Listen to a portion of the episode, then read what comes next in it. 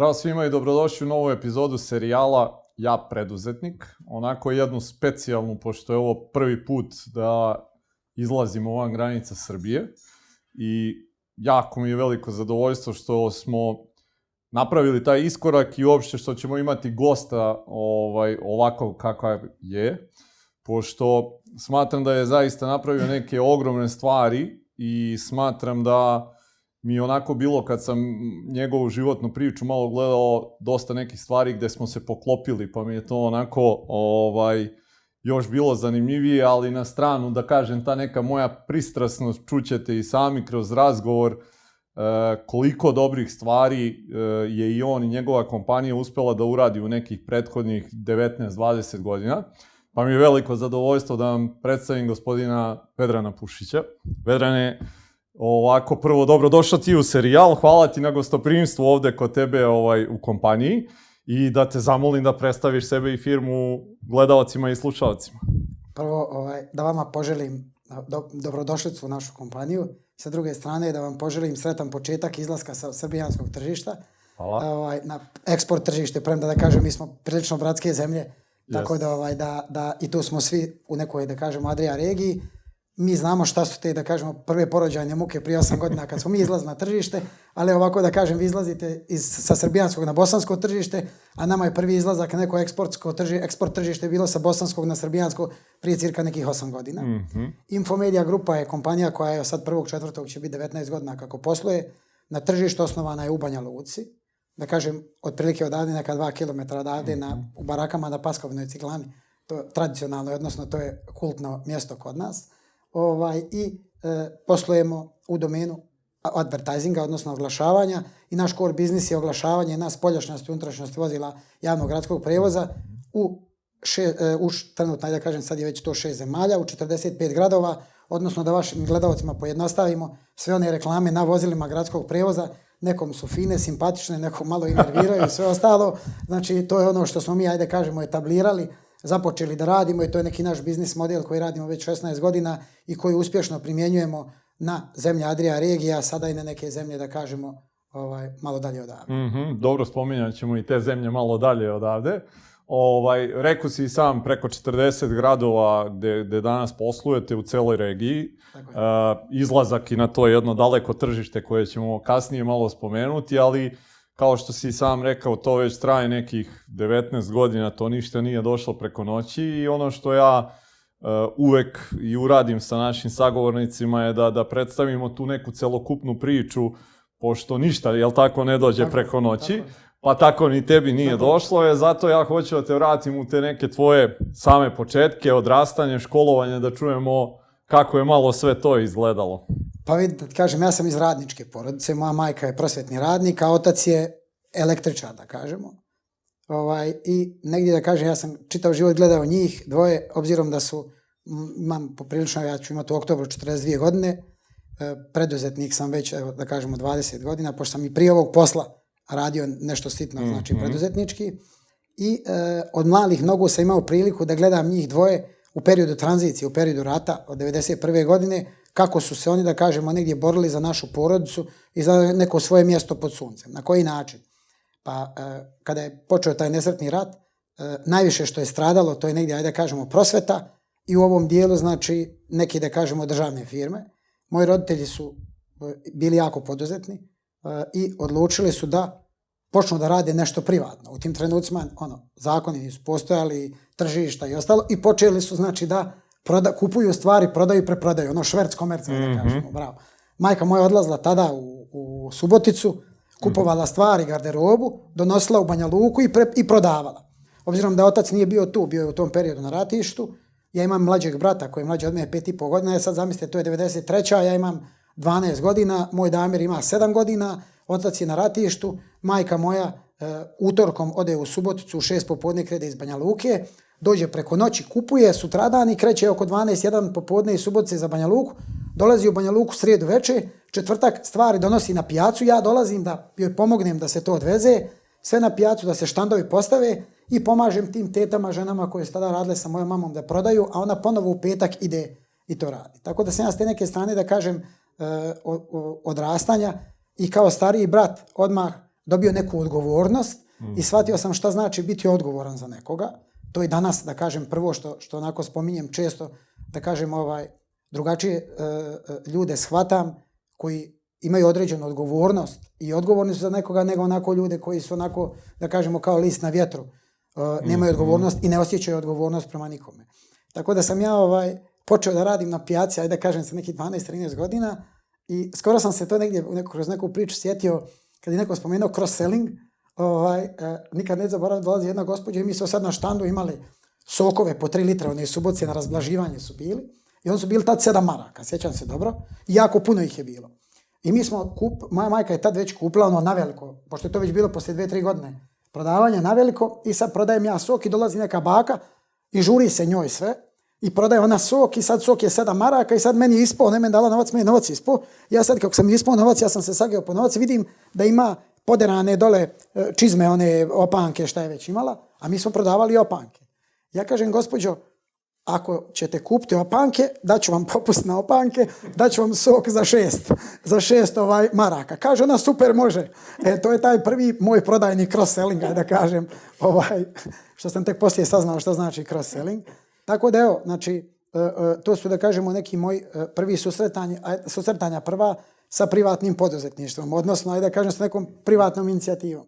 Odrastao sam tu u gradu Banja Luci, ovaj, pohađao sam dvije osnovne škole, jer smo se selili, u Boriku, to je jedno naselje, u Boriku mm. sam odrastao i kao mali sam otprilike, ajde da kažem, imao talenta za, za sportove. Bio sam nakon natjecateljski nastrojen, međutim, moj otac je volio rukomet. Sad moj otac ode, ja imam sedam godina, moj otac ode i upiše mene u rukomet. Mm. I šta ću, ja idem da ispunjavam njemu želju, igram rukomet, a nosim dres Darka Pančeva, sjećam se, i šutam nogom. I sad ja, ne znam pravilo rukomet da svi igraju odbranu i napad. Već ja ostanem u napadu, gore Darko Pančev stoji gore i daje golove. I onda sam ja u jednom trenutku, kad je on otišao na ratište, ja, tu je bila akademija jedna u futbalskog kluba naprijed, koji sam ja sada sa jednom grupom entuzijasta preuzeo ovaj, i napravili smo onako malo, da kažemo, refresh tog kluba i poslije 70 godina smo napravili nove slačionce, baš sada ovih dana će biti otvaranje i klub vraćamo, da kažemo, viši rang, jer je to jedan od najstarijih klubova mm-hmm. ovdje kod nas na, na bazinu Banja Lučke regije. I ja odem i upi, taj kamp je došao e, blizu u moje naselje, ja odem i upišem se i trenirao sam tako futbal, dok otac nije došao s ratišta i to je jednostavno shvatio da ja to volim. I onda sam odatle prešao u borac i tu sam onako negdje razvijao se, da kažem, i, i, i kao mlad čovjek, odnosno kao, ajde kažem, u nekim godinama, 14, 15, 16, 17, ovaj, i shvatio sam tu negdje šta znači individualno borce za sebe, s jedne strane, a sa druge strane znači, šta znači biti i timski igrač. I to je jako važno. Ovaj, I, kažem, uh, upisao sam srednju medicinsku školu, jer sam želio da budem stomatolog. To me jako privlačilo. Mm. Međutim, 2017, 2098. godine sam dobio poziv da dođem u rad s Banjice na probu preko Milana Ševe, regendalnog golmana. Mm. On je negdje upoznao mog nekog rođaka iz Beograda, oca, eto, tako je krenula, ajde dođi da ga vidim. I mi dođemo, ja dođem na probu i e, e, trener tadašnji, sad da ga ne imenujem, zahvalio mu se ovom prilikom, eh, je mene dovodio trenere sve moguće da gledaju mene i igračima je na utakmicama govorio, vidjeli ste kako Boske igra onaj novi, jer ja nisam tad još uvijek, došao sam u pola sezone, nisam imao pravo registracije, vidjeli ste kako on igra, e želimo onako da igrate. I ja napustim školu, upišem se, prebacim se, već sam bio treći razred srednje u srednju školu Nadežda Petrović u medicinsku Beogradu i dolazim ja na zimskoj pauzi, dolazim I on počinje mene ignorisati kao da sam ja tu sad došao sam. I on počinje mene ignorisati, ignorisati, ignorisati. Ja se tad, ono, da kažemo, susrećem prvi put sa nekim velikim životnim razočarenjima. Jer ja sam tu dijete došao iz Banja Luke, iz malog, male sredine, došao u Beograd. Ovaj, ali sa druge strane, ono, nije floskula, ali tako nekako što te ne ubije, učinite jače. Mm -hmm. I jednostavno boriš se u tako jednoj sredini koja je, da kažemo, kao u, tom, u tim trenucima 98. 9. Srbija je i Beograd uz dužno poštovanje džungla bila ovaj, i boriš se sam za sebe i jednostavno niti ti imaš dovoljno godina, niti imaš dovoljno iskustva životnog, a da kažemo sve u tom nekom periodu i mlad si i neiskusan si, a bačen si i ignorisan si u tom trenutku od tog, tog svog društva, nekog situaciju koja je doveden i kako sada ja dođem kući i kažem roditeljima da sam poražen, pogotovo mom ocu, koji mi je čitav život govorio, sine, završiš školu, završiš fakultet, zaposliš se u neku državnu firmu, lagano kad ideš s posla u tri, pola, četiri, izvadiš čip posao i ideš, radiš nešto drugo i sve ostalo. Tako da sam ja ovaj, se vratio tu, u Banja Luku, poslije toga, i onda sam e, dobio poziv da dođem na probu u Grasshoppers iz Ciriha. Otišao sam tamo i ljudi su stvarno ako bili zadovoljni što sam ja pokazao i poslije par treninga slomim skočni zglob desne noge i dobijem ortopedsku čizmu. I kad sam se vratio, stvarno bili su korektni, prebaci me u njihovu filijalu FC Tun iz Ciriha. Tu smo zajedno tri godine ušli u prvu ligu Švicarske i e, pređem u Young Boys iz Berna. U Young Boysu je bio tadašnji trener Marko Šeliman, koji je jako, da kažemo, ono, gajio neke simpatije prema meni, da kažem, ovaj, e, e, igračke. Međutim, došao je trener, on je bio tu šest mjeseci, prešao u Nant i došao je trener Hans Peter Lator. I dove, to je, tu se ja srećem sa mojim drugim životnim razočarenjem. E, došao je trener Hans Peter Lator koji kaže, vidite ovo, a, on, do, ta sam se ja poslije, da kažem, shvatio, povukao paralelu između sporta i biznisa. Dolazi generalni direktor kompanije, to je head, onaj, e, e, e, da kažemo, ovaj, glavni trener, coach, menadžer, i on naravno dovodi, kad generalni direktor dovodi, on dovodi, dovodi svoj menadžment, a ovaj dovodi svoji najviše, naj, par igrača kojima vjeruje. Tako i on doveo na moju poziciju kapitena mlade reprezentacije Švajcarske, a ja sam tad stvarno bio u najboljim, ono, 21 godina, 22, super igro, standardan bio i sve ostalo. I on mene dovodi, dovodi čovjeka i stavlja ga na moju poziciju. Ali ne da stavlja on njega, a ja onako, balkanski, drzak, bezobrazan, nadobudan, onako generalno sam ja temperamentan, ovaj, a poprilično onako sam naučio kroz vrijeme da taj svoj temperament negdje držim pod kontrolom. Ovaj, I on dolazi i on meni ne da ne da da treniram sa ekipom, da ja ne bi došao u poziciju da se, da kad igramo na dva gola da pokažem da sam bolji od nekoga, već on sve ekscese pravi da mene jednostavno izrevoltira, da me izbaci iz ekipe. I to je trajalo neki 3 do 4 mjeseca i uspio od mene izbaciti iz ekipe. Ali ono što je, da kažem, što je učinio jako ružno, ali opet kažem zahvalan sam mu na tome, ovaj, što sam ja, dopustili su da ostanem 45 dana duže u Švicarskoj kao zemlji, sa radnom dozvolom njihovom i e, za, dobio sam zabranu godinu dana ulazka u Švicarsku. Znači, to je bilo 2004. već godina, treća, četvrta godina, tako. I ja sam se vratio u Banja Luku, onako da kažem, ajde, poprilično razočaran, imao sam nešto novca kod sebe, Izlazio sam ono ko mlad, izlazio, znate kako je futbaler, mm. sad mi je futbaler, frizurca, sredio se, žurnal pod rukom, naočale i najpametniji sam na svijetu. Svijet je moj. Takav sam ja bio, realno. I, ovaj, i dok ja sam potprilično patriarhalno odgojen i tako odgajam i svoju djecu, imam četvoro djece. I dok me moj otac jednom nije zovno i rekao, vidi, ovaj, aj ti da ja tebi nešto kažem. Pošto ono, dolazim kući, ne dolazim kući ovako. Ona kaže o mene, aj ti ovako. Ovaj, a još uvijek tad živim s roditeljima, a imam već 23, 4, 3 godine. I mi kaže, ajde ti ja nešto kažem, vidi ovo. Ajde ti malo skontaj šta ćeš od svog života ili da te ja izbacim iz kuće. Ti skontaj šta ćeš raditi.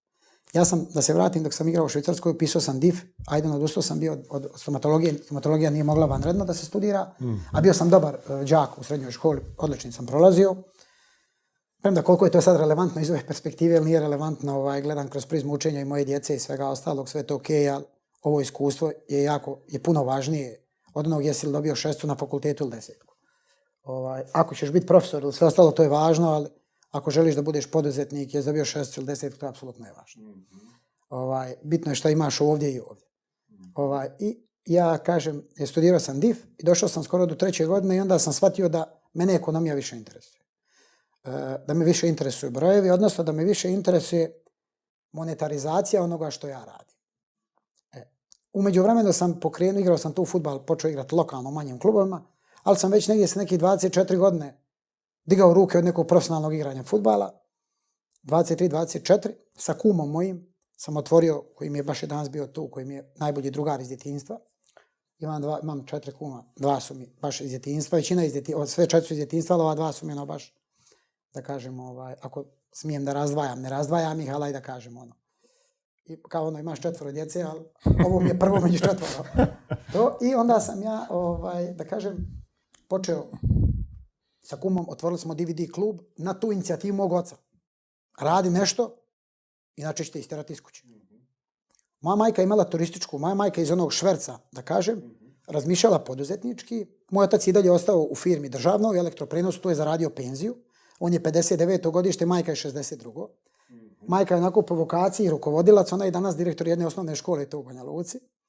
A sa druge strane, ona je, ovaj, e, moj otac i dalje, on je pomagao majici da razvija privatni biznis, ali ovamo imam sigurnost u državnom biznisu. Šta god da se oklizne, imam državni biznis. E. A onako ja volim, ja sam je tip da, da bez rizika, ono, koliko god to bila floskula, nema profita. I ako ideš nekom kočnicom stalnom, racio je jako važan. Naravno da je racio važan, ne možeš ići, znači, skakat među krokodile i ostalo i reći sad ću ja preplivat, preplivat, imam 500 krokodila u rijeci koja ima širinu 50 metara i sad ću ja pre, preplivat da me neko ne ugrize i ne pojede. Pa to sam budala može. Mislim, moraš im biti racionalan. Ali sa druge strane, rizik, moraš biti spreman rizikovati.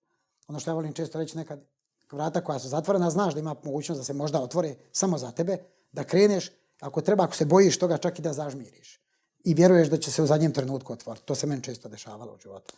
I onda sa te strane kažem da se vratim na ovaj dio, onda sam ja počeo da radim taj DVD klub sa kumom i gledao sam otprilike šta su mi neke dodatne i da se dodatno školujem i šta su mi dodatno neke, da kažemo, šanse u životu. Moja majka eh, iz tog šverca evoluirala i napravila je turističku agenciju i ta turistička agencija je poprilično dobro radila. Moj brat je iz početka radio kod nje, međutim, kao klinac vodio je onaj uh, ture i ona je smislila, fi, smislila kao call centar, 2003. godine je smislila call centar, kao odvojeno poslo, pa, pravno lice, bistur sa te agencije, call centar koji će ljudima pružati informacije putem onih skupih negeografskih brojeva. I super je ona to smislila. Međutim, isključila je jedno jako bitno, da kažemo, varijablu, a to je da se počne internet razvijati. I onda, ko će tebe nazvat na, na poziv koji košta 5 maraka, ako polako već su računari postali dostupni, ako ti možeš imati onaj dial-up internet, ali opet ti možeš da ukucaš na Google i da saznaš nešto da, na pretraživače koji su tad bili Yahoo je bio, ne znam i tako. I uh, taj posao je, da kažemo, išao njoj nikako, odnosno nije išao. I ona je sa jedne strane sve što zaradi u tom bistursu prelijevala u taj informativni centar. Firma se zvala Informativni centar Deo. I, a ja sam nakon futbalerčić, imam video klub, igrao sam tu u lokalnim klubovima, ja sam sad te, sebi prosječno mjesečno zarađivao sa 23 godine, 1000 i po, 2 maraka, mjese, 2000 maraka mjesečno, to je po standardima bilo kod da sebi sad zaradim, ne znam, 3-4 hiljada eura. I meni je to bilo dovoljno. Ja nisam razmišljao o perspektivi.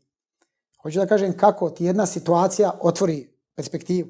I moja majka meni jedan dan dolazi i kaže, vidi, ja imam ozbiljnih problema, e, prelijevam po sistemu spojenih posuda iz te turističke agencije što zaradim dajemo ovamo, ljudi ne prihoduju ništa jer niko njih ne zove i sve ostalo. Ona je uložila u neki marketing, uložila je u nešto i ona sad duguje 10.000 maraka. Duguje telefonskim operaterima, odnosno tadašnjem Telekomu Republike Srpske, jer ti negeografski brojevi, licence su jako skupe. Kaže ona men, bil ti vidio tu da mi to, da se to nekome proda, da bilo što ja više ne mogu sa tim, ne mogu ništa vamo, provodim, radim po 15-20 sati, dođem kući, novca nema. Ručak nije spremljen s jedne strane, s druge strane nema novca. S druge strane, niti sam majka, niti sam poslovna žena, niti, znaš, ono, tapkam, vrtim se uko. Mm -hmm. Ja kažem, ajde, vidit ću, ali dalje ja, ja onaj svoj žurnal držim pod rukom. I prošlo je par mjeseci, ponovo poslije toga, mi smo ponovo popričali, a ona onako, već ona tu bila onako jako, da kažemo, ono, ne mogu reći da je bila depresivna, ali u jako lošem raspoloženju. Ja vidim da to jako loše utječe na nju. I ja dam oglas u novine. Tad je već bilo oko 20.000 maraka duga i dam oglas u novine i kažem, e, prodajem firmu tako i tako. Sad ja prodajem firmu, ja sam mislio imat firmu, to je kao da imaš sad, ne znam, zgradu svoju. Imat firmu, otvoriš je za ništa i imaš firmu. Kad je otvoriš za ništa, onda samo idu troškovi ako ništa ne radiš. Imaš samo obaveze. Znaš, a nije kod nas ljudi, kod nas ljudi, ja kad čujem ono priču negdje, kaže ima firmu. Ona ako ima firmu, on ima problem. Ako ima firmu koja ništa ne radi, on ima problem. E, i kažem ja, dam oglas i javi se meni na oglas neki čovjek i nađemo se nas dvojica tu u centru grada. Dođe onako u trenerci, ljeto bila, sjećam se, papuče su neke. Uh, ja sam tada ono cijenio ljude, aj po izgledu, znaš, kakav mi je to, i zato tako sam i odbio to, kakav mi je to biznismen, došao u trenerci, trikova majica, tri zuba u glavi nema i sad bi on kupio firmu od mene. To ono posle ono što su bile kad kupiš firmu, ti ostaneš direktor, potpisuješ za njih, ideš u zatvor. Međutim, ponovo se vraćam na moj sretni žurnal. On su htjeli da ja kupim firmu. Da prvo da kupe firmu za tih 20, 3, 4, 5 hiljada da pokrijemo troškove. Međutim, htjeli su da ja ostanem da tu potpisujem nešto. Međutim, ja sam imao svoj video, video klub, DVD klub, razvio ga s kumom, vamo igrao futbal, imao žurnal pod rukom. I meni je bi sad bio opterećenje da ja potpisujem to. A taj žurnal mi je pomogao da ne odem u zatvor, da kažem. I ja to nisam prodao. Ja kažem, majicu, ne možeš to prodati ništa. Prošlo ponovno mjesec dana, ja na opet razgovaram. To je bio jedan petak večer i to je onako bio jedan jako, da kažemo, mučan i tužan razgovor. I gdje sam ja sutra, gdje ona, ona to imala raznorazne te neke ljude, i muškarce, i žene, i, e, i primala, jer nije mogla ni, primat, ni davat njima redovne plate, i imala jako neke, da kažemo, velike neugodnosti. I, i ja sam otišao sutradan ujutru i to glavno Kabadahiju, koji je tu važio za nekog razbijača gradskog, ne znam nija šta je, ne, ne znam i otkud on uopšte u tom poslu. Ja kažem, ko je direktor? Kaže on ja. Rekao, ti od danas nisi više direktor, subota je bila. Rekao, nisi više od danas direktor i sve je onako smo imali neki ružan razgovor. Ja okupim te ljude i kažem ima ljudi, šta vi radite? I on kaže, to, to, to i to. Te, javljamo se mi na telefone, ljudi zovu, pitaju u kojem marketu je najjeftiniji šećer. Ja kažem, dobro, pa te nazvoj? Kaže, nije niko. Šta ti radiš, javljam ja, stanje na putevu. Lupam, hipotečki. Ja kažem, pa zove li ti? Pa kaže, ne zove. Ja primaš plat, primaš plat. Ja kažem, ljude, znate same da morate imati neki, aj sad ja se ja ekonomski izražavam, tad nisam, ali parafraziram, da morate imati neki inkam, da morate imati neki prihod, znači iz kojeg ćete generisati troškove svoje. Znate li to? Znači, ko što ideš u prodavnicu, sada nemaš marku u džepu, mislim. Znači, moraš imati neki novac u džepu zarađen da bi nešto trošio, tako i isto. Znači, morate imati, firma mora nešto da zaradi da bi dio troškova otišao na vaše plate. Hajde vi osmislite šta bismo mi mogli raditi da zaradimo taj novac. Evo ja ću biti prvi među jednakima, ja ću to isto sve raditi sa vam. Dođem ja u ponedjeljak i jedna od tih cura, ovaj, eh, da je sad ne imenujem, skoro sam je sreo jako draga cura, kaže ona, mi bi mogli da radimo poslovni informat. Kažem ja, šta ti je to? Izvadi ona Yellow Pages. Mm -hmm. Kaže, e, vidiš ovaj Yellow Pages? Ja rekao da. Kaže ona, evo bismo mi mogli da radimo samo na teritoriji grada Banja Luke, da idemo od vrata do vrata, do firme do firme i prodajemo njima reklamu unutar ovoga i da na godišnjem nivou izdajemo tu publikaciju, da damo njima da oštampamo veći, veći tiraž toga, da damo njima da podijelimo po firmama, da promovišemo to na sajmovima i sve ostalo. Kažem ja dobro. E, kako ćemo mi to uraditi? Sad mi ono imamo, ajde da kažemo, takozvani brainstorm. Kao, ajde, napravit ćemo mi sada kao ovo tu A4, korce A4 i podijeliti. Imamo Naslovnu stranu imamo unutra, otvoriš. Pola strane podijeljeno četvrtina, podijeljeno vizit karta na osmina vizit karta i mi odredimo cijene, prodajemo to, sad najskuplja je bila ta, aj, aj, imao si jednu prednju i jednu zadnju. Ali najskuplja ta unutra, cijela strana je bila 150, 100 150 maraka.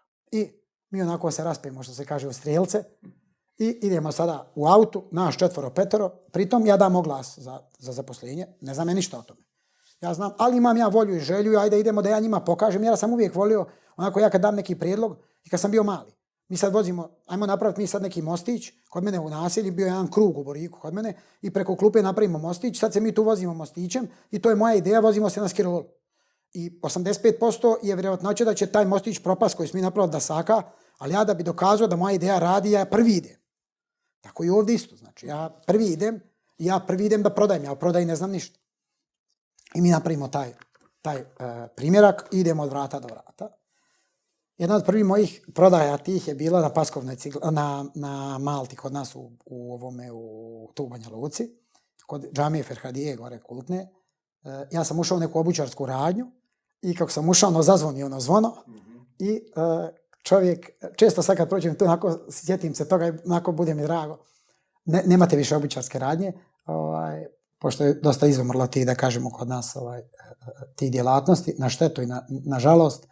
I ja uzmem i ulazim kod njega kako zazvoni, ja tako vadim iz onog svog nekog ruksa, onog kao poslovne torbe, aktovke, sredio sam se ja i sve. Ja sam ja vidio na televiziji to da biznismeni ljudi se srede, da to treba da izgleda, ovaj, da kažemo, da bi, stek, da bi, pogotovo što mi prodajemo nešto što je imaginarno, da bi, i ne postojimo kao firma, a ja sam već tad počeo da čitam da firma treba da ima znači neku, ajde, ne mogu reći sada neki korporativni status, ali da kažemo da treba da ima reputaciju na tržištu, kako izgledaju poslovni ljudi, kakvi su maniri, kako to sve izgleda, kako treba da se obhodiš prema ljudima, mene je to već počelo sve interesovati. I mi smo s te strane počeli, ušao sam tamo i kaže on meni, izvolite, ja rekao, pa evo mi, ja vadimo, mi radimo to, a on onako gleda, ja sad gledam šta on gleda. A on gleda gdje mu je jezik od kanadžanke. od kanadžanke i zatego da mene gađa, kaže, bježte, bjež mi s vrata, eto, svi ste koji je on svjedoci. Ja kažem, izvinite, gospodine, ništa. I ja uđem u pored neki frizerski salon, neka fina gospođa, onako, i sad mi njena slika u glavi, onako, frizura, ona, ispod haube, velika kosa. Mm -hmm. I, ja, ovaj, i, ona, i ona mi kupi vizit kartu od 30 maraka. I tako smo mi krenuli prodaju. Znači, sad idemo i kažemo, idemo, i mi smo proširili taj naš poslovni informator, mi smo njega krenuli, znači, 2004. godine, znači, u četvrtom mjesecu ja preuzmam tu firmu. Prvog četvrtog, 2004. ja je preuzmam zvanično. I mi krećemo da prodajemo taj poslovni informator. Firma je postojala već od 2003. ali ovaj biznis kao ovakav, prvi je bio prvog četvrtog, smo otišli na teren.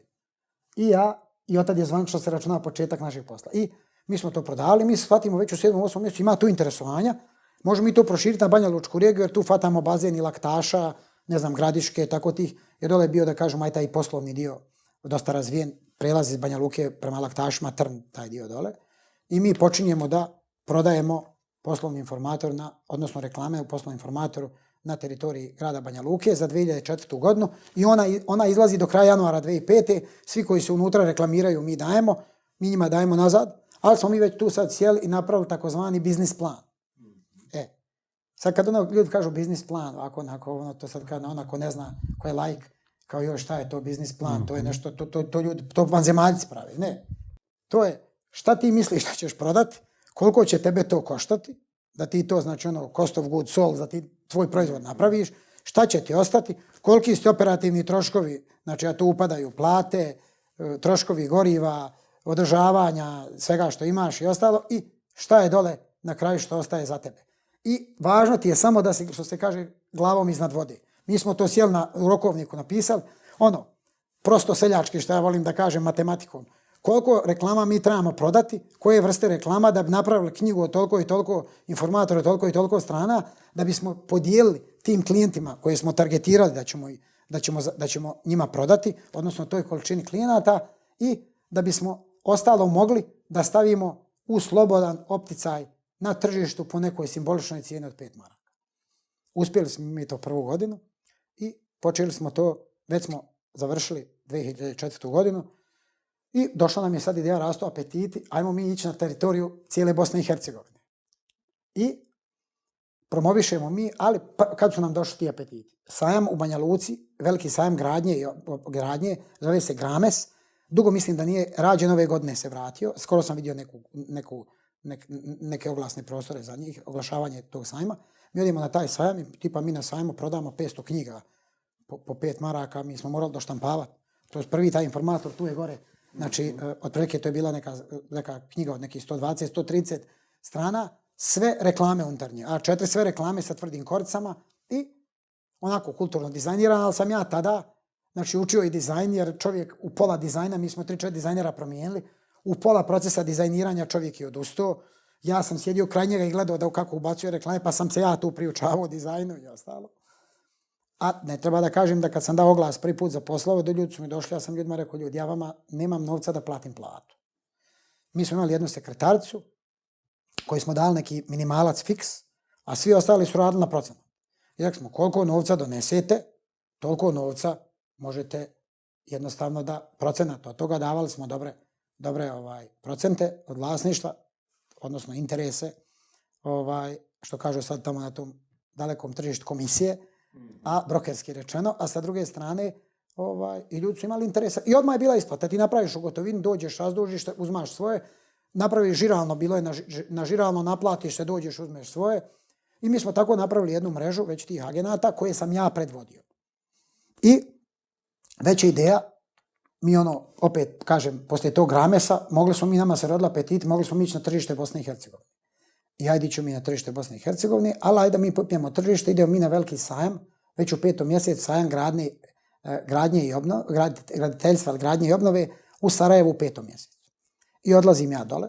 Pritom ne trebam da vam kažem da sam ja sekretar, sekretarica, čistačica, računovođa. za sve. Bravo, da ono, uh, uh, mi smo to, dugo, dugo sam ja da kažem, ovaj, imao fobiju od toga, da ne kažem kompleks, i danas to, prvo što smo mi napravili, kad smo se, da kažemo, korporativno posložili. Ne može čovjek koji prodaje zvati istog tog čovjeka kojem prodaje, ne može ga zvati za novac. Vrlo jednostavno. Napravili smo jednu tu distinkciju. On prodaje, dovodi prodajni proces, isporučuje finalni proizvod i sve ostalo i on se bavi prodajom.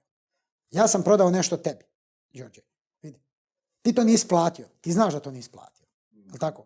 Ali naše financije zovu tvoje financije. Dolazi, ja znam da oni zovu. Ti znaš da oni zovu. Oni plaćaju. Ja, ti, ti, ja i ti i dalje radimo posao. Ali ako ja te budem krenuo stiskati za plaćanje, ja ću tebe zvati u nekom neugodnom trenutku po tebe i sve ostalo, mi ćemo, ti ćeš meni reći nešto neugodno, ja, kako ću ja tebi odgovoriti i ostalo, ućemo u neki nepotreban konflikt i neka vrata koja smo dugo otvarali i gradili jedan odnos, e, da kažemo, e, počet ćemo ga uništavati bez ikakve potrebe. Znači, na ovaj način napraviš da svako radi svoj posao. Tada, da se vratim na taj period, ja nikad ne zaboravim, mi prodajemo, pa ja stavim, ono, začepim nos i stavim krpu na slušalcu, pa zovem iz financija tadašnjeg informativnog centra, pa kaže me, e, iz financija zovem, ima neki dug i ostalo, kolega taj, taj mi je ostavio, imam taj neki dug, ja zovem vas i sve. I ja odem i e, dvije koleginice koji nisu kod nas, e, e, Zorica Đurić, koju ja pozdravljam ovom prilikom, ona radi u, u banci u Kotorvarošu, to je naša prva zaposlenica i naša Dragana Fazlić, koja nažalost je premijenila prošle godine, koja nije među nama.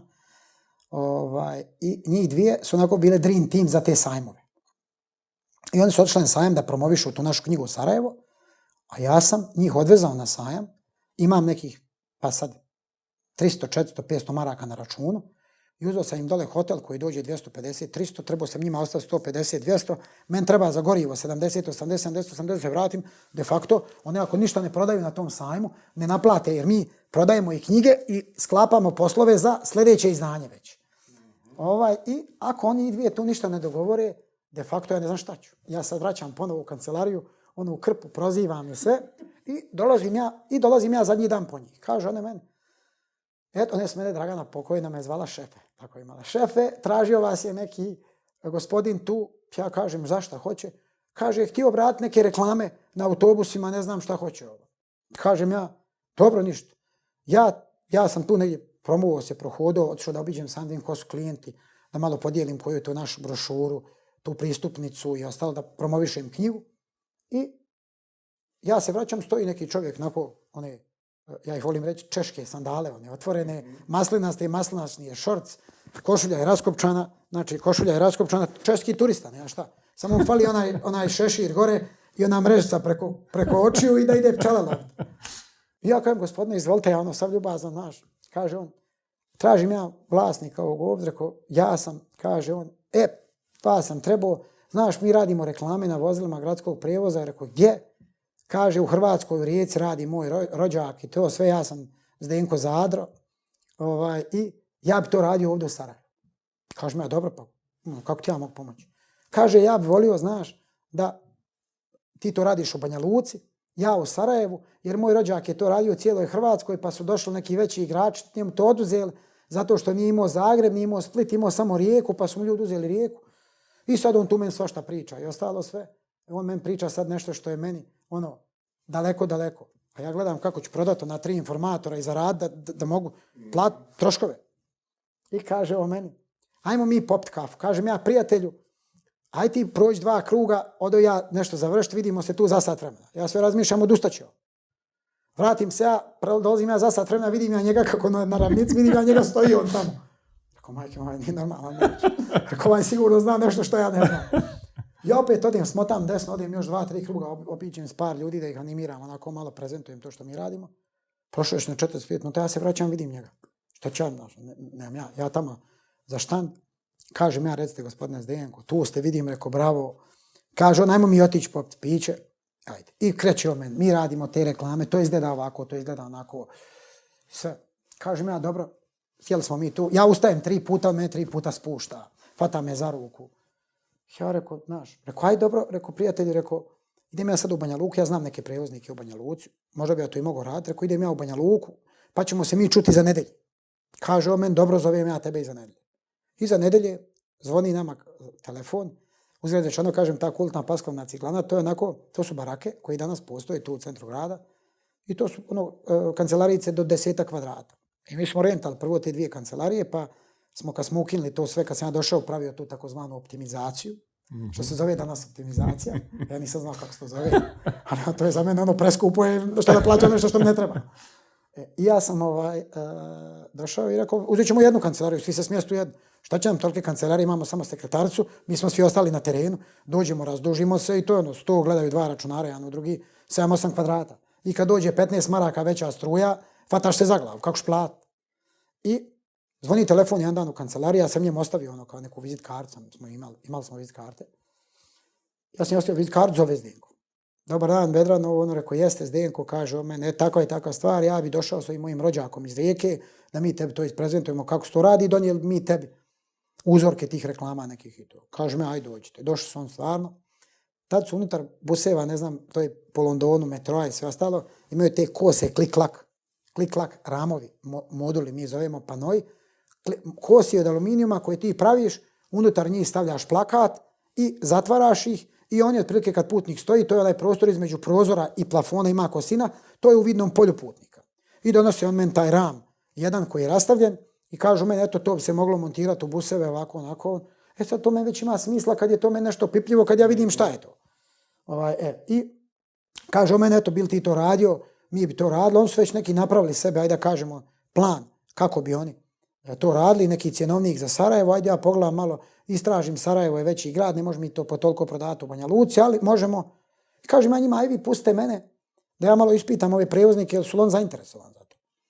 I odem ja kod par prevoznika, kažu ti prevoznici, skoro sam, krajem decembra smo slavili 18. rođendan, pa sam prozvao jednog od tih prevoznika na rođendan, rekao, on je me rekao, postavljaj to džaba, a ja sam rekao, nemoj da stavljam džaba, ko zna gdje ćemo mi biti krajem 2022. E, I smijali smo se, baš je bio prije dvije nedelje ovdje dolazio.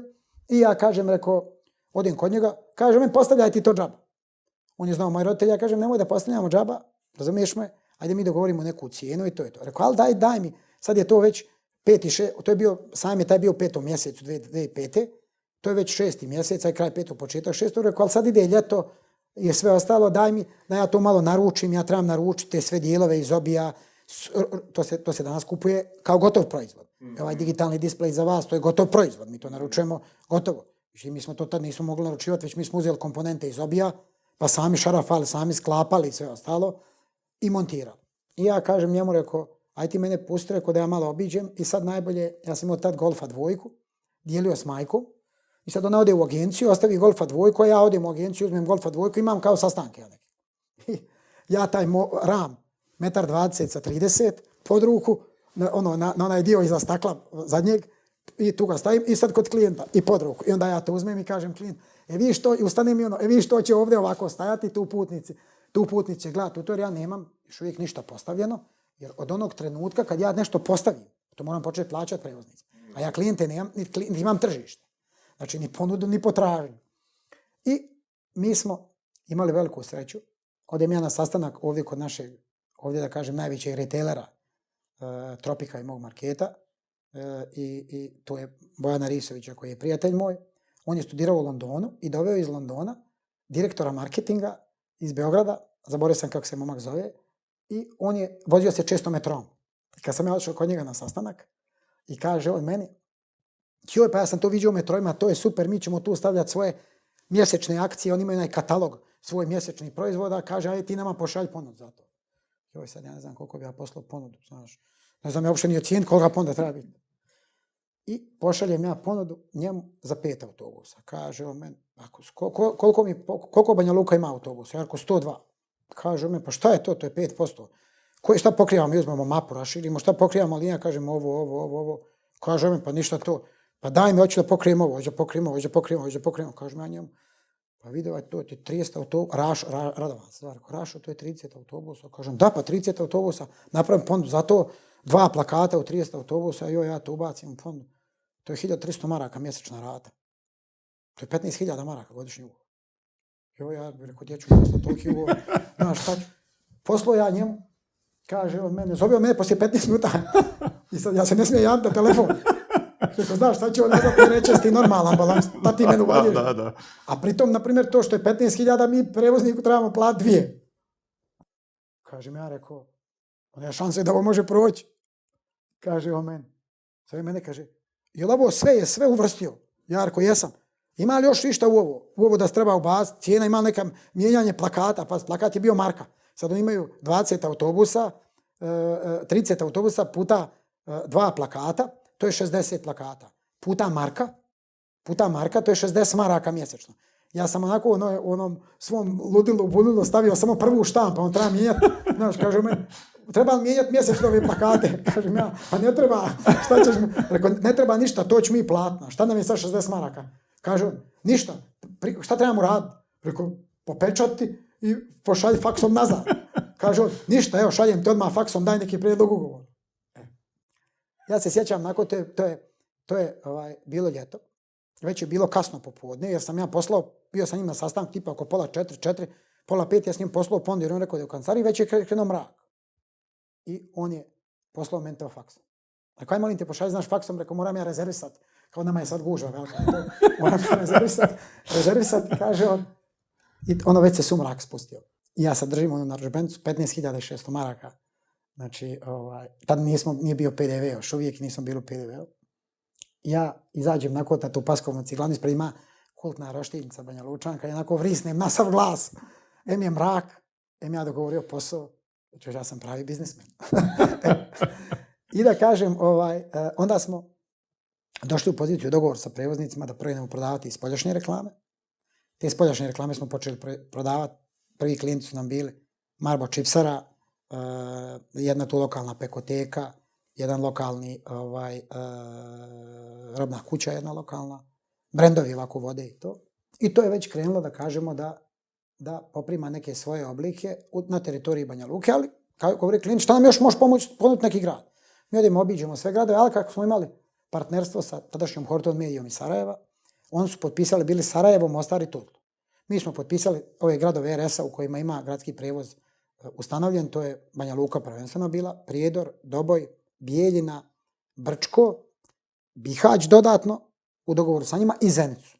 I onda smo mi tako radili da kažemo te 2000, mi smo to potpisali da kažemo do polovine 2007. sve.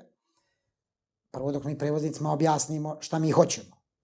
I sad je njemu nerealno da će on, njegov autobus vozi, da će on dobijati novac za nešto, mm -hmm. što je ti sad objasni prevozniku iz Bihaća, će on čovjek dobiti novac za nešto, misli da će ti njega prevarti. Da će on dobiti novac za nešto što je za njega imaginarno. I, kažem, mi smo uzeli i pre, predstavili njima taj takozvani naš biznis model, kako mi to mislimo raditi i sve ostalo. Već smo dotad imali oslikanih vozila, pa smo pokazali ovo izgleda ovako, ovo izgleda ovako. Unutrašnje reklame izgledaju ovako i sve ostalo. I uspjeli smo da potpišemo te sve gradove i onda smo radili, da kažemo, bili, podijelili smo tržište Horton Media i mi.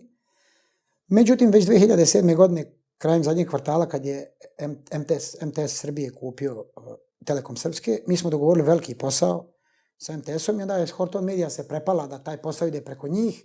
Ako nama MTS ne plati, a mi ne platimo njima, onda su nama rekli, ajte vi s prevoznikom Sarajevo napravite direktno dogovor, nemoj da mi učestvujemo u tome, puno je to novca. Mi kažemo, okej. Okay. I tu smo već krenuli stvarivati kontakte s prevoznikom, ali uvijek kontrolisano, jer smo bili partneri, jer oni su nas uveli. Odnosno, dali nam otprilike, rekla možete to da radite. Uh, oni su, kao i da kažemo, svi ovaj, dosta ljudi na našem tržištu, onako više trošili nek što su zarađivali. Došli 2011. godine u financijske probleme. Mi smo preuzeli te njihove dugove i obaveze prema prevoznicima u Sarajevo i Tuzli i Mostaru i preuzeli smo ugovore, ovaj, tako da su onda, kažemo, izašli iz tog posla izašli iz tog posla i mi smo, ajde da kažemo, počeli da radimo na tržištu cijele Bosne i Hercegovine. O, ovaj, I da kažem, to je jedno lijepo iskustvo. Sjećam se prvih vozila koje smo lijepili u Sarajevu, pa mi imamo onako, i sad je to naš neki trademark ispod svakog vozila, ispod vozača, postoji mala naljepnica Infomedia grupa i negdje čovjek postane ponosan kad to vidi negdje u regiji, da kažeš onako, ovaj, to se lijepo raširilo. Mm -hmm. Čekaj, moram da te zaustavim sad ovde. Zanima me prvo, iz ove tvoje sad perspektive, kad gledaš tu koincidenciju e, na sajmu uopšte tom, zašto misliš da je taj čovjek uopšte bio toliko uporan, da, da, da jesi saznao nekad što je baš toliko čekao da, da se i vidi sa tobom i što baš tebe je izabrao kao vidi, nekoga... Vidi da kažemo, ono, to ti je ono, ovaj, da kažemo, uh, uh, uh, taj neki sretni moment koji moraš da imaš. Ali sreću moraš da zaslužiš. Sad kažem sljedeće. Ja sam imao 300 maraka u džepu, a mene odlazak na taj sajam firmu moju koštao 500. Ja sam mogao da budem ono racionalan i kažem, vidi, imam vrapca u ruci, goluba, ko će ga uhvatiti? E, nemoj da ja idem na taj sajam, daj da mi ovdje radimo nešto još što možemo, pa Ne. Mi smo ono što ja volim da kažem, usudite se sanjati veliko, igrajte na veliko. Naravno, moraš imati raciju. Ovaj, sa druge strane, mi smo stisli petlju, otišli na taj sajam, jer smo to prepoznali kao neki potencijal za nas, nešto gdje mi možemo dodatno da se predstavimo, da se razvijemo. I ovdje kažem mi, Bog dragi nas je nagradio, ovaj, da je baš on došao za naš štand, premda do duše mi smo bili jedina firma na sajmu, možda i zbog toga, gradnje i obnove koja je bila marketinški orijentisana, a on je došao tražiti marketinškog partnera. E, to su mahom bile kompanije koje se bave građevinskim materijalom, građevinskim mašinama i, ovaj, e, i tim dijelom. Mi smo došli tu da negdje nađemo svoju nišu, da prodamo tim građevinskim firmama reklamu, da prodamo poslovni informator, da se to malo pojavljujemo, da se prikaže naša firma. I sa te strane smo ovaj, tu imali neko, negdje neku sreću. Ono što želim da kažem, kad sam ja preuzeo tu firmu, e, što znači krenuti od nule ili e, imati neku, da kažemo, e, pomoć, potporu. Ja sam imao stvarno u tim trenucima pomoć svoje porodice, ali ja sam krenuo iz minusa 23.000 maraka. Mm. To je kao sad, da, to je danas, s ovom pameti, ja ne mogu sad skontati novac koji je to s ovom pamet, da mhm. krenem iz minusa. Ja sam kad krenuo iz minusa 23 miliona s idejom, 23 miliona maraka, ja bi to mogao vratiti zato što sam mogao vratiti 23.000 maraka. Znači, to je bilo imag, nešto što je imaginarno. Da, da. Ali sam ja sjeo i napravio plan. Ja sam, onako da kažem, neku svoju osobinu, uh, uh, uvijek sam znao iz kojih prihoda da plaćaš koje rashode. To je poslije bilo ono kao planiranje cash flow. Mm -hmm. ovaj, što naučiš poslije, ali uvijek kažem, znači, i uvijek imaš neku optimizaciju za, za šta šta trošiš.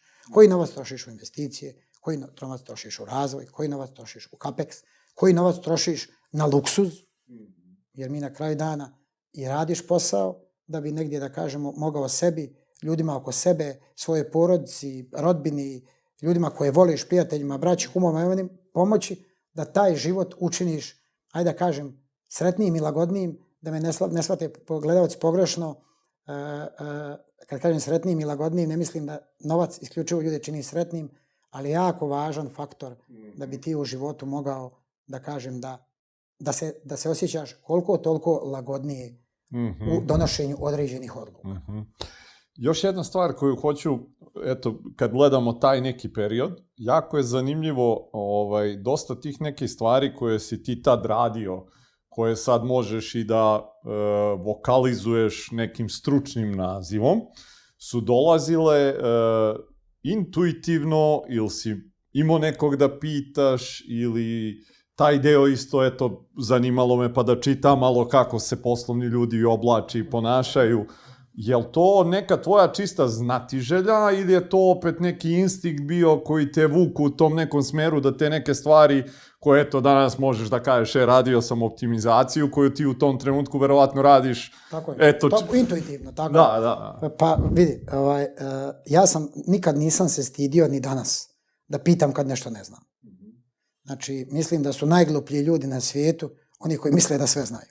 Jer ne postoji onaj ko sve zna. Tamo ne postoji.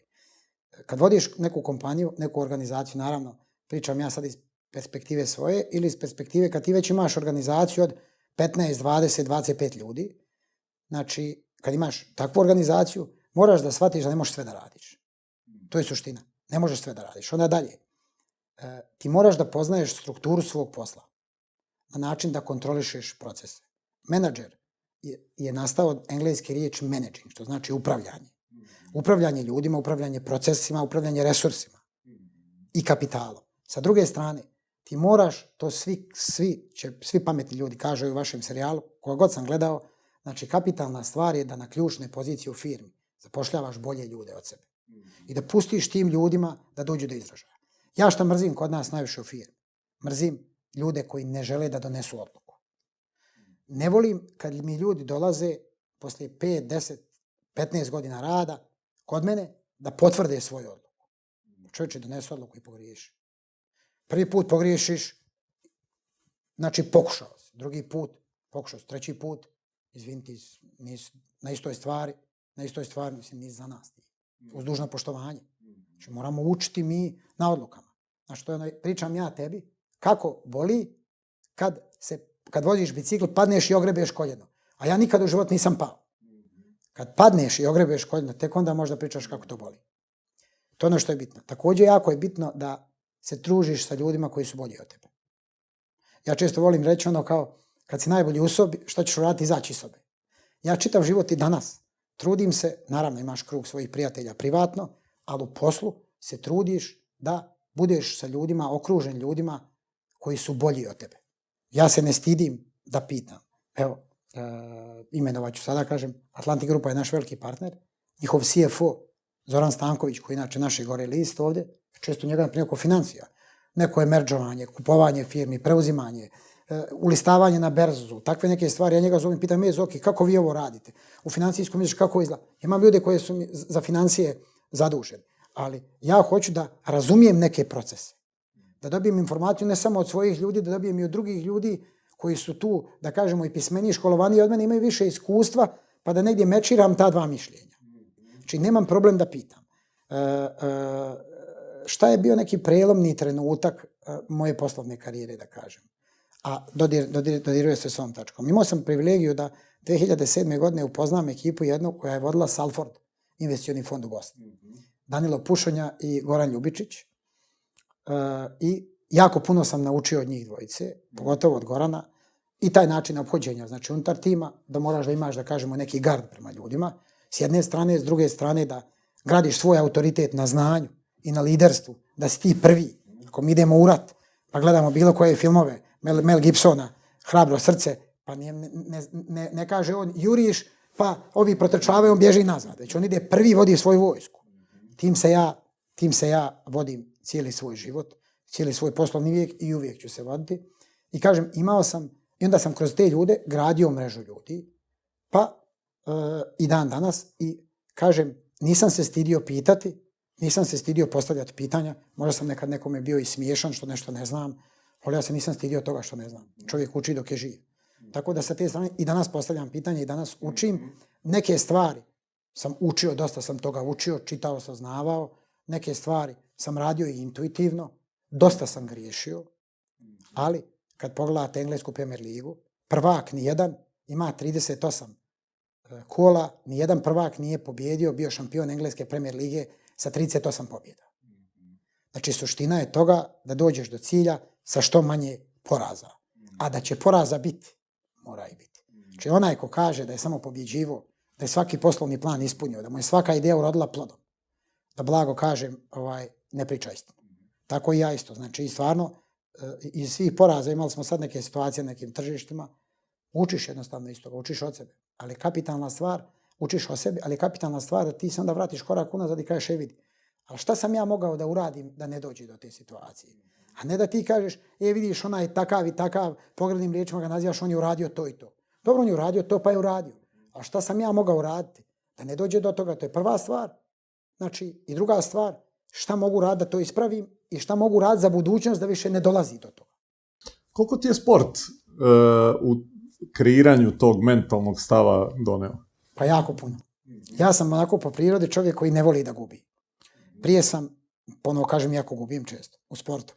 Ali sam ono, onako, da kažem, ono šta, ostane, šta se dešava na terenu, to ostane na terenu. Uvijek kad me prođe ti prvi 3 do 5 sekundi huje, prožim ruku, čestitam, bravo. Sutra je novi dan, imamo novi teren, dva gola loptu, pa ajmo se, da kažemo, ovaj, boriti. Utakmice i danas često koristim taj izraz, gdje god odem, pa da vidim da tu postoji neka privilegija prema nekome ovaj, na ovim tržištima, ja kažem ljudi, ajmo samo napravite nam tržišnu utakmicu. Jer mi izgubljen, iz izgubljene tržišne utakmice ćemo naučiti gdje smo griješili. Isto gdje smo griješili ćemo rasti. To je, to je važno. E, sigurno kažem, e, često razmišljam o tome, e, ekipni sportovi ti pomažu da sa jedne strane e, e, razvijaš taj timski duh. Sa druge strane, ekipni sportovi ti pomažu da ti nekad možeš da, da se uklopiš u cijelinu i da te cijelina povuče. Individualni sportovi su jako, da kažemo, ovaj, nezgodni, jer zavisiš sam od sebe. I to je mentalna snaga, kao, na, kao Novak Đoković, mentalna snaga je nevjerovatna. Kombinacija toga dvoje je najbolja stvar. Ja igram futbal, a trčim. Trčim polumaratone i maratone i tu najviše zavisim od sebe. I onako, da kažem, kad bi ja sad, na primjer, uh, kad smo bili ono na divljem zapadu, pa kažemo, on ubi svoje protivnike. Ja bi savjetovao ovaj, da meni moji protivnici, ne da me ubiju, da kažem šta mi može zabraniti, grub sam malo bio, da mi zabranje trčanje, jer mene na trčanju su pale najbolje poslovne ideje na pamet. Tad niti mi zvoni telefon, niti me neko nešto pita, eh, ni, ovaj, eh, sam sam sa sobom. Toliko sam, da kažemo, onako hiperproduktivan idejama, ako tako mogu da kažem, da sam prije nekih 6 do 7 godina, već sam promijenio dva. Kupio sam sebi diktafon, držim ga u džepu Mhm. i trčim i snimam svoje misli. Mhm. I imam tako imam jednu svesku rokovnih ideja i s vremena na vrijeme prolistam te ideje. Neke mi se čine smiješne prije 6-7 godina, a neke mi danas pomažu. Kaže mi, vidi ovo super bila ideja, kako je to mi palo na pamet tada i sve ostalo, što mi je sad, na primjer, primjenjivo na posao. Tad mi nije bilo primjenjivo na posao.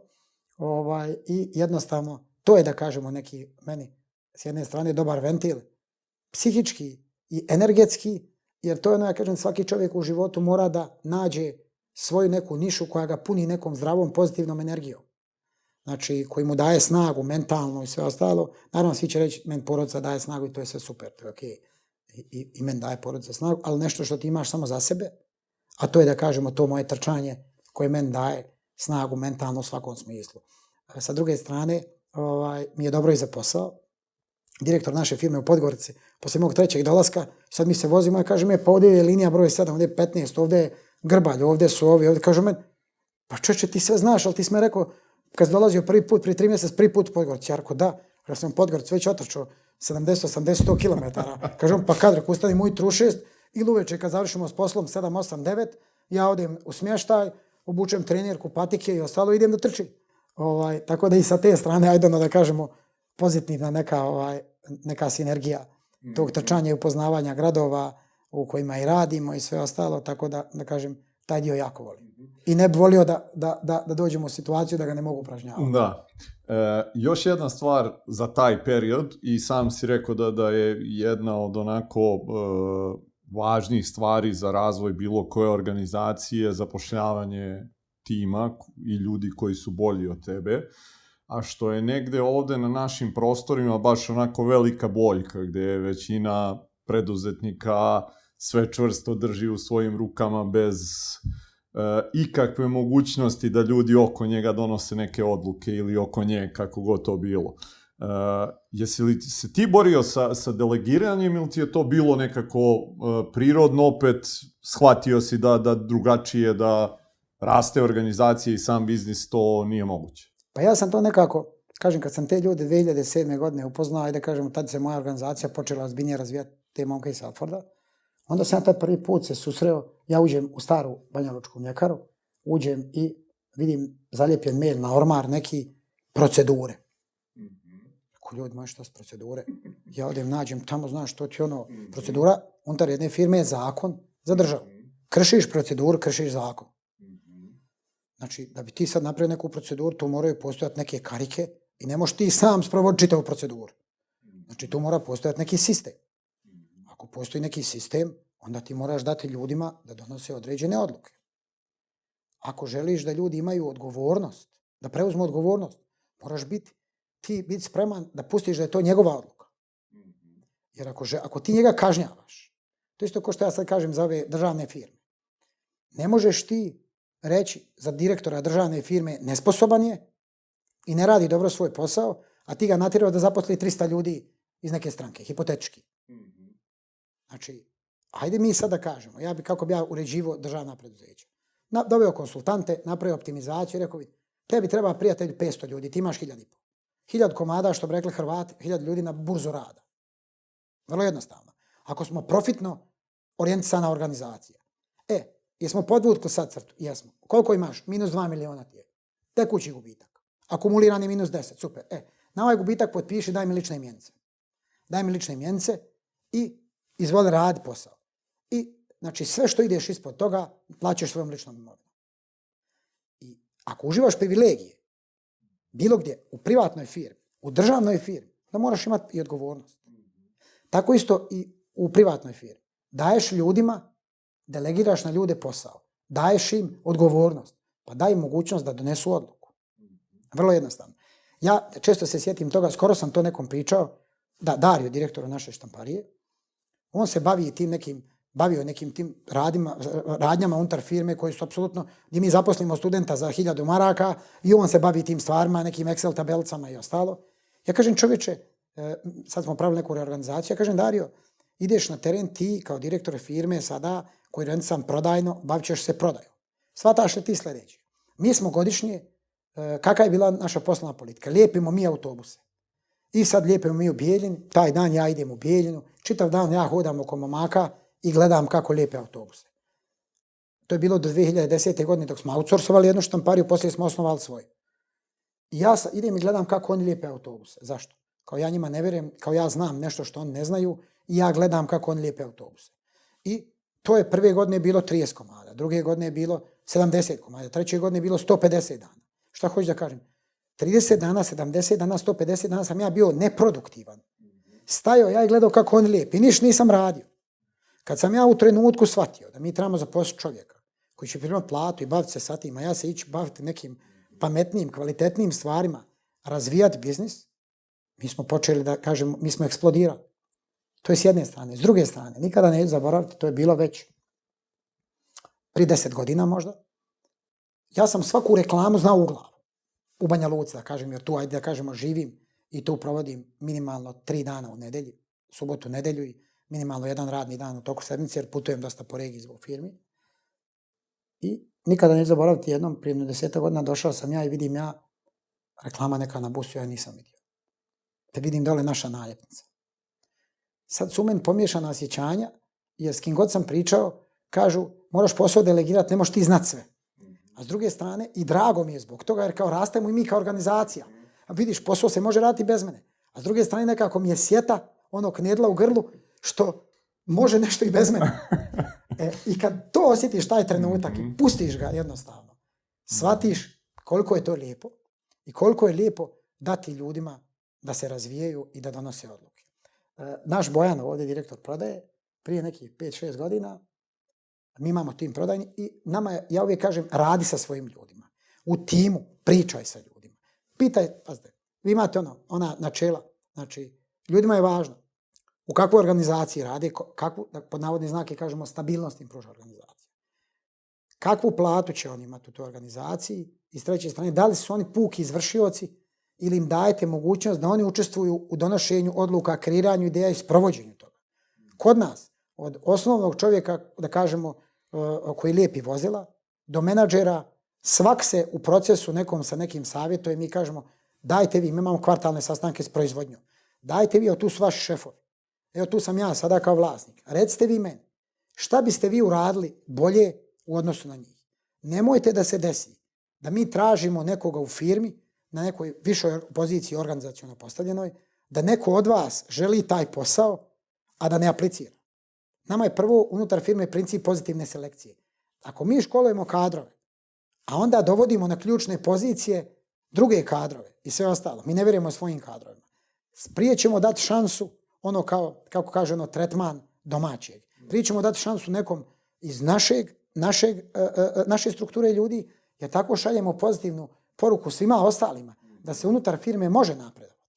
Ja uvijek kažem u svakom, skoro smo imali sastanak s proizvodnjom prije mjesec dana, ja kažem ljudi, evo tu vam je prvi, drugi, treći rukovodilac, sve ostalo, nemojte molim vas, ako možete raditi posao bolje od njih, nemojte molim vas da to ne kažete, jer ja želim da čujem tu informaciju od vas i dobit ćete šansu da to radite. I nije problem probati, vraćate se na svoje radno mjesto i dajemo vam i tu sigurnost.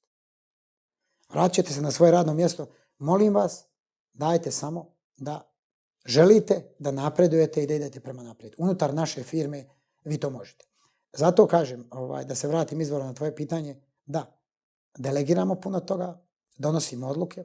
Počeo sam da pričam o Bojanu on je kako radimo puno sa ljudima i Bojan ulazi jedan dan u kancelariju, savi on, on je tek postao ta direktor prodaje, često mi to spomenjamo i kaže on meni, joj Vedrane, znaš, imamo problem. Prvo ja se ono ježim na to, imamo problem, ovaj, jer problem je imati neku neizlječivu bolest, neizlječivu bolest, ni bilo šta. Također ova menadžerska od prije 3-4 godine izazov, ova izazov, ona izazov. Čovjek ostaje bez posla koji ima izazov. Prijatelj, ti kad ostaješ na ulici, bez posla, trebaš prehraniti porodicu, ti su problemi. A ti su izazovu, hoćeš ti e, danas popiti Pepsi ili Coca-Cola? Hoćeš voziti Škodu Oktaviju ili ćeš voziti Passata B7, B8? To je izazov. Živiti u stanu od 60 ili 80 kvadrata. A izazov nije hoćeš ti biti gladan ili nećeš biti gladan. To nije izazov. I dolazi on me rekao, Bane, molim te taj riječ problem izbacuj to, rekao, iz, iz narativa. Šta je bilo? Kaže on, taj jedan od mamaka u Sarajevu, koji radi u prodaj, kako mi imamo sedmično izvještavanje, on radi sa njima, oko klijenata, imamo jako transparentno onako praćenje sedmičnih rezultata prodaje. Kaže, on je šest mjeseci zadnjih slao lažne izvještaje i sve ostalo, jer je on bio junior. Mi juniorima dajemo šest mjeseci do godinu dana proces razvoja. Ne moraš ništa dogovoriti. dogovor za ključ poslova. Mi tebi dajemo mogućnost da se razvijaš unutar sistema. Ulažemo u ljude dugoročno. Kaže, on je tako i tako davao izveštaj lažne i to. Kažem ja, pa dobro da mi reci ovaj, kakve ja veze imam sa tim? Kažem, pa znaš ovo ono, tvoja je firma, pa je rekao, ne, to je rekao moja firma, ali to je tvoj tim. Ti moraš donijeti tu odluku, šta ćeš sad? Kaže on, pa ja, ja bi njemu dao otkaz. Jarko, čestitam me u ruke.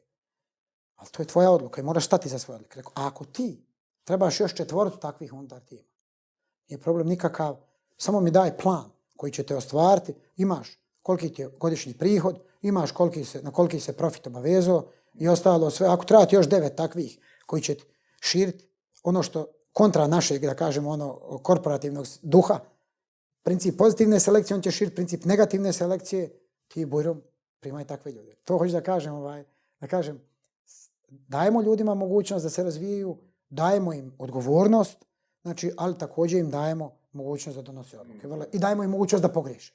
Vrlo jednostavno. E, ne znam koliko si sad ovaj uključen u sam taj proces e, neke selekcije saradnika, e, ali me zanima u to neko vreme kad vas je još bilo malo i kad si sigurno i birao te neke ljude koji će se zaposliti unutar organizacije, šta ti je bilo važno da vidiš u njima? Pa ovako sad biram saradnike, onako sad ono volim da biram menadžment, ljude s kojima ću ja raditi. Ne zapošljavam sad ljude na svim pozicijama. Interesuje me često onako, pošto sam ja tip prodajno orijentisan i svi ljudi u mom menadžmentu, u menadžmentu Infomedia grupe moraju biti prodajno orijentisan. Ti prodaješ svoj proizvod, prodaješ sebe na kraj kraja, prodaješ kompaniju i moraš biti prodajno orijentisan. Ima taj šlip. Jer sve je prodaja, da se razumijemo, sve. Sa druge strane, uh, i danas učestvujem, otprilike učestvujem, želim da pogledam ko su ti ljudi. Nekad znam biti na razgovoru, ono sjedim tam negdje i slušam otprilike razgovor i ništa, to je to, ne pitam ništa. Ali otprilike učestvujem kad je menadžment u pitanju. A sa druge strane, kakve sam ljude primao? Pa prvo, e, da kažem, e, meni je jako važno e, s kakvom osobom imam, da kažem, kontakt, odnosno, jako mi je važno da ti ljudi imaju prave neke istinske vrijednosti, da su dobri i pošteni ljudi. Ti to ne možeš znati na prvu, nikada, ali nakon neku intuiciju ti vidiš po čovjeku. Ja sam kao mlad imao otprilike, da kažemo, taj, Mišković to voli reći, šac metoda. Bravo, ja sam imao, bravo, ja sam imao to, tu intuiciju, neku intuitivno, da ono kad mi se čovjek ne svidi na prvu, ne svidi mi se energija. U 95% slučajeva se pokaže da to baš ovaj, i, i, i dobro je sa, što sa tim čovjekom nisam ostvario nikakav odnos, da ne kažem samo ni poslovno saradnju. Da smo imali promašaja, imali smo promašaja, definitivno, ovaj, ali nikada nismo imali promašaja, znači da smo imali loše ljude. Znači i danas, e, ljudi koji nisu se snašli kod nas u firmi, možda naš sistem nije bio do, dovoljno prilagođen za, za njih, Oni su otišli u druge firme pa se snašli u nekim drugim branšama i danas su oni partneri naših firme, sarađuju s našom firmom u bilo kojim projektima, da li on nama nešto nude i prodaju, mi kupujemo od njih, da li su oni na strani klijenta, nekoga ko nama negdje može da napravi, da kažemo, neki poslovni ustupak, pomoć ili bilo šta sarađujemo, ni sa kim od ljudi koji su otišli za sve firme, znači nismo ovaj e, neku zlu krv imali. Zato kažem, kapitalna stvar je da imamo dobre ljude. Prva, druga stvar je energija koju odnose. Znači, jako je važno da su to ljudi koji nose energiju, koji su gladni pobjede, koji su gladni da uče. E, da, neko od njih će želiti da vidi lifestyle, pa da kaže, e, ja ću živi, da živim tako. To ne dolazi preko noći. Ali ova firma omogućava da se razvija s jedne strane, s druge strane da osjeti ono što bi želio da bude. Jer mi smo krenuli iz nule. I svako od njih sa mnom može da priča o svemu tome, ajde da kažemo, na dnevnom nivou. I e, e, uh, i, i jednostavno vremenom oni shvate da ti trebaš da rasteš, da se razvijaš i da budeš bolji stručnjak. Da ono za što radiš, da budeš najbolji. A onda vremenom logičan slijed događaja je i veća plata i bonusi i, i neki dio stejka potencijalno kao stakeholdera, a na kraju, jer mi imamo, znači imamo ono, plate, imamo bonuse, za sve imamo na kraju kolektivni plan gdje onda zaposlenici postaju dijelom stejka, čak imamo i za viši menadžment gdje viši menadžment postaje dijelom manji shareholder u firmi, su vlasništvo. Manje dobija, jer drugačije onda on posmatra firmu i biznis. Tako da tu, to je neka poruka, ajde kažemo jednako s jedne strane zaposleni unutar naše grupacije, a s druge strane i ljudima koji započinju svoj biznis, da, ovaj, da ako trčiš za parama nećeš i nikad stići. Jer ne postoji novac, ne postoji novac koji će tebe zadovoljiti. Ali ja gledam iz naše perspektive, ja sam već, aj mogu slobodno da kažem, e, mi smo zaradili neki novac, onako da kažemo što je za naše uslove, ajde da kažemo solidan novac. Neko će reći velik novac, ali e, nije floskula stvarno, nama treba novac da bi mi štitili svoj posao. Na koji način? Nama dođe prevo, u Beograd konkurent i kaže mi ćemo platiti ugovor milion eura. To mi kažemo u red, mi ćemo platiti tri. Ako to ima matematiku. Znači, zato nama treba novac. A sa druge strane, uh, ja vidim kako kroz tu neku, biznis se valorizuje kroz novac s jedne strane. Firme rastu, firme se prodaju kroz, kroz bilanse, kroz novac, znači stanje, free cash flow i svega ostalog. Ali sa druge strane, uh, novac, znači, e, kao sigurnost je dobar, ali nije dobro da letiš na njim. Kako rasteš, razvijaš se, sve si bolji i bolji u svom poslu, bio zaposlenik, bio neki privatni poduzetnik na početcima i ostalo, vremenom, ja sam to vidio na sebi. Novac dođe kao logičan slijed događaja. Kad si sve bolji i bolji i bolji, logičan slijed događaja je novac. I nikad nemoj ti trčati za novcem, pusti nek novac dolazi za tobom. Ti se usavršavaj, ti radi na sebi, razvijaj ljude, networking, klijente, drži do svoje riječi. E, e, mene lično, mislim, ružno je govoriti o sebi, ali evo, ljudi koji rade sa nama i sve ostalo, mene ono prati, riječ, prati glas da je riječ meni svetinja.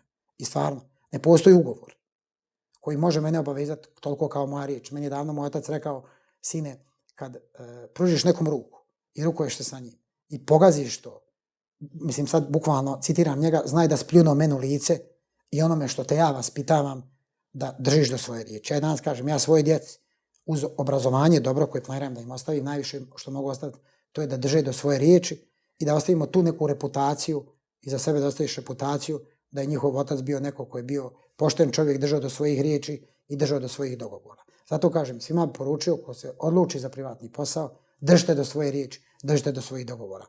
Čak i po cijenu toga da obećate nešto što će vas koštati nekog novca gdje ćete otići u minus. Znate šta uradite? Isplatite to, stanete pregledalo kući kad ste sami, dobro se šamarate, to sam ja radio i kažem, nemoj više čovječe obećava takve stvari. Nemoj to raditi. To je ono iskustveno učenje. Mm -hmm. e, još jedna e, digresija, a vezana za ovaj period tvog života o kome pričamo, e, prodaja.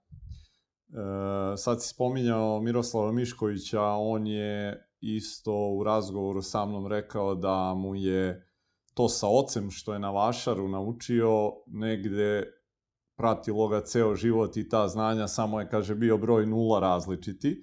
Ti si isto spomenuo eto da si taj deo nekde još mladih dana tvojih provodio na pijaci. 13 godina ima da. Jel to uh, onda imalo nekog ovaj uh, uticaja na, na eto taj deo i prodaje i svega toga što kažeš danas da tvoji saradnici isto moraju da budu orijentisani. Apsolutno, apsolutno. Pa paz, to ne ono, ti si mali preduzetnik. I ti sad razmišljaš, danas se, pa vidi, ja sad tamo imam, men mama kaže, vidi, ja sam kupla ove opanke za tri marke, prodajemo ih za pet. Ti možeš tu spust do četiri.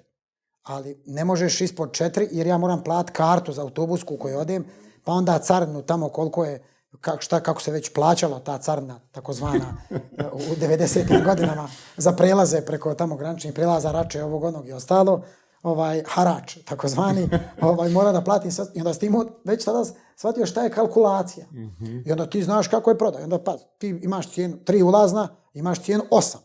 I ti se ono, tu, to je pijaca, ti se tu pogađaš. Mm -hmm. E sad, dosta ljudi kod nas shvate to danas, često, ovaj, ja, na primjer, kad dođem negdje, pa sad, pregovaramo, meni moja supruga zna reći ti si cigan i sve ostalo. Ne, pa ja samo pitam što ono što se kaže, dok se godimo, mi se znojimo. A kad se nagodimo, pružimo ruku, to je tako. To, to. I tako s druge strane isto. Znači, jednostavno mi pitamo šta je najbolja cijena u odnosu cijene i kvaliteta što možemo da dobijemo i to je to.